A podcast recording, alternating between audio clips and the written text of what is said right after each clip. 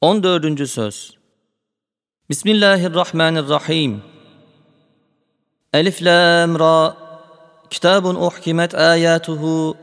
Sümme fussilet min ledun hakimin habir Kur'an-ı Hakim'in ve Kur'an'ın müfessir hakikisi olan hadisin bir kısım yüksek ve ulvi hakaykına çıkmak için teslim ve enkiyadı noksan olan kalplere yardım edecek basamaklar hükmünde o hakikatların bir kısım nazirelerine işaret edeceğiz ve hatimesinde bir ders ibret ve bir sırrı inayet beyan edilecek.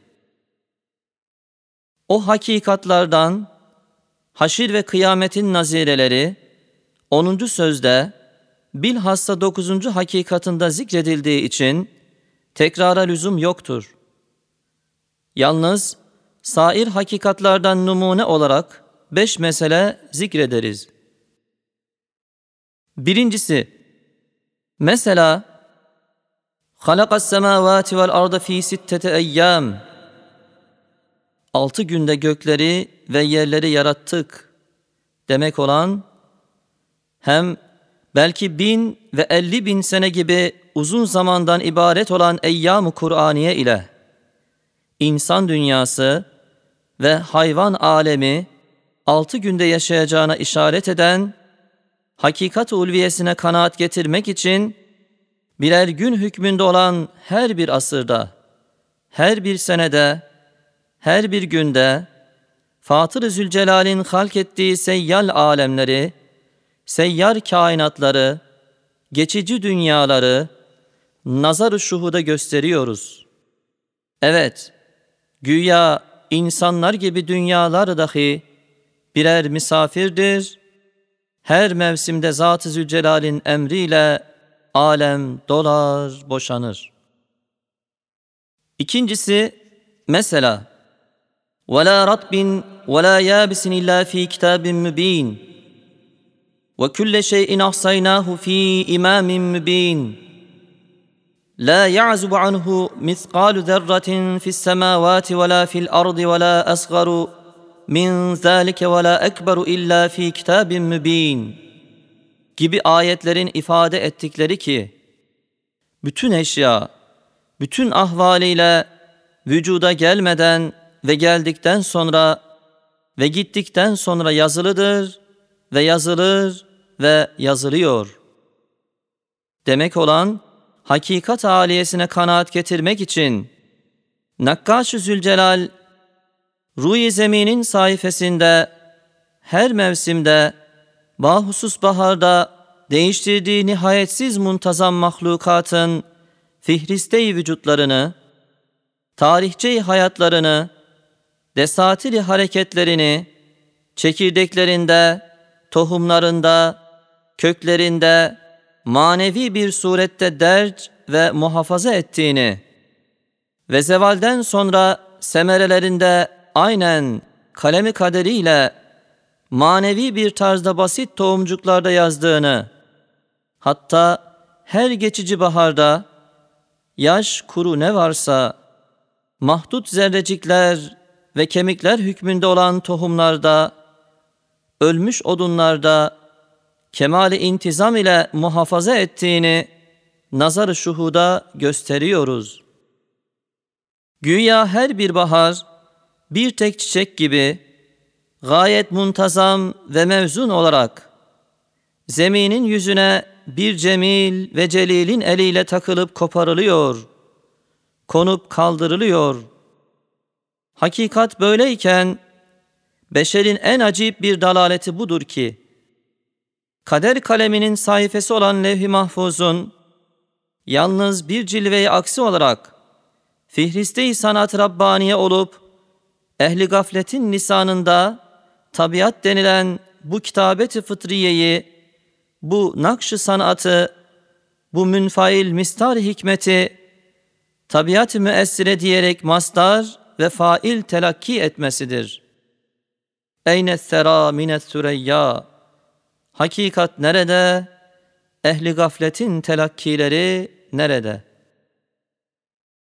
Üçüncüsü, mesela Hamele-i arş ve yer ve göklerin melaike-i müekkelleri ve sair bir kısım melekler hakkında muhbir-i sadıkın tasvir ettiği, mesela kırk binler başlı, her başında kırk binler lisan ve her lisanda kırk binler tarzda tesbihat ettiklerini ve intizam ve külliyet ve vüs'at-ı ubudiyetlerini ifade eden hakikate çıkmak için şuna dikkat et ki Zat-ı Zülcelal تسبح له السماوات السبع والأرض ومن فيهن إنا سخرنا الجبال معه يسبحنا İnna aradna emanete ala semavati vel ardı vel cibal gibi ayetlerle tasrih ediyor ki mevcudatın en büyüğü ve küllisi dahi kendi külliyetine göre ve azametine münasip bir tarzda tesbihat ettiğini gösteriyor ve öyle de görünüyor. Evet, bir bahri müsebbih olan şu semavatın kelimat-ı tesbihiyesi, güneşler, aylar, yıldızlar olduğu gibi, bir tayr müsebbih ve hamit olan şu zeminin dahi elfaz-ı tahmidiyesi, hayvanlar, nebatlar ve ağaçlardır. Demek her bir ağacın, her bir yıldızın cüz'i birer tesbihatı olduğu gibi, zeminin de ve zeminin her bir kıtasının da ve her bir dağ ve derenin de ve ber ve bahrının da ve göklerin her bir feleğinin de ve her bir burcunun da birer tesbihi küllisi vardır.'' şu binler başları olan zeminin, her başında yüz binler lisanlar bulunan ve her lisanda yüz bin tarzda tesbihat çiçeklerini, tahmidat meyvelerini, alemi misalde tercümanlık edip gösterecek ve alemi ervahta temsil edip ilan edecek, ona göre elbette bir melek müekkeli vardır. Evet, müteaddit eşya bir cemaat şekline girse, bir şahs manevisi olacaktır. Eğer o cemiyet imtizac edip ittihat şeklini alsa, onu temsil edecek bir şahs manevisi, bir nevi ruhu manevisi ve vazife-i tesbihiyesini görecek bir melek-i müekkeli olacaktır.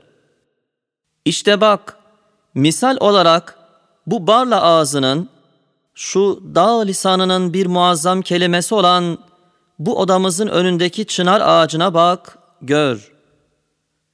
Ağacın şu üç başının her başında kaç yüz dal dilleri var ve her dilde bak kaç yüz mevzun ve muntazam meyve kelimeleri var ve her meyvede dikkat et kaç yüz kanatlı mevzun tohumcuk harfleri, emri kün feyekûne malik, sani zülcelaline ne kadar beli bir medih ve fasih bir tesbih ettiğini işittiğin, gördüğün gibi. Ona müekkel melek dahi, ona göre alemi manada müteaddit diller ile tesbihatını temsil ediyor ve hikmeten öyle olmak gerektir.''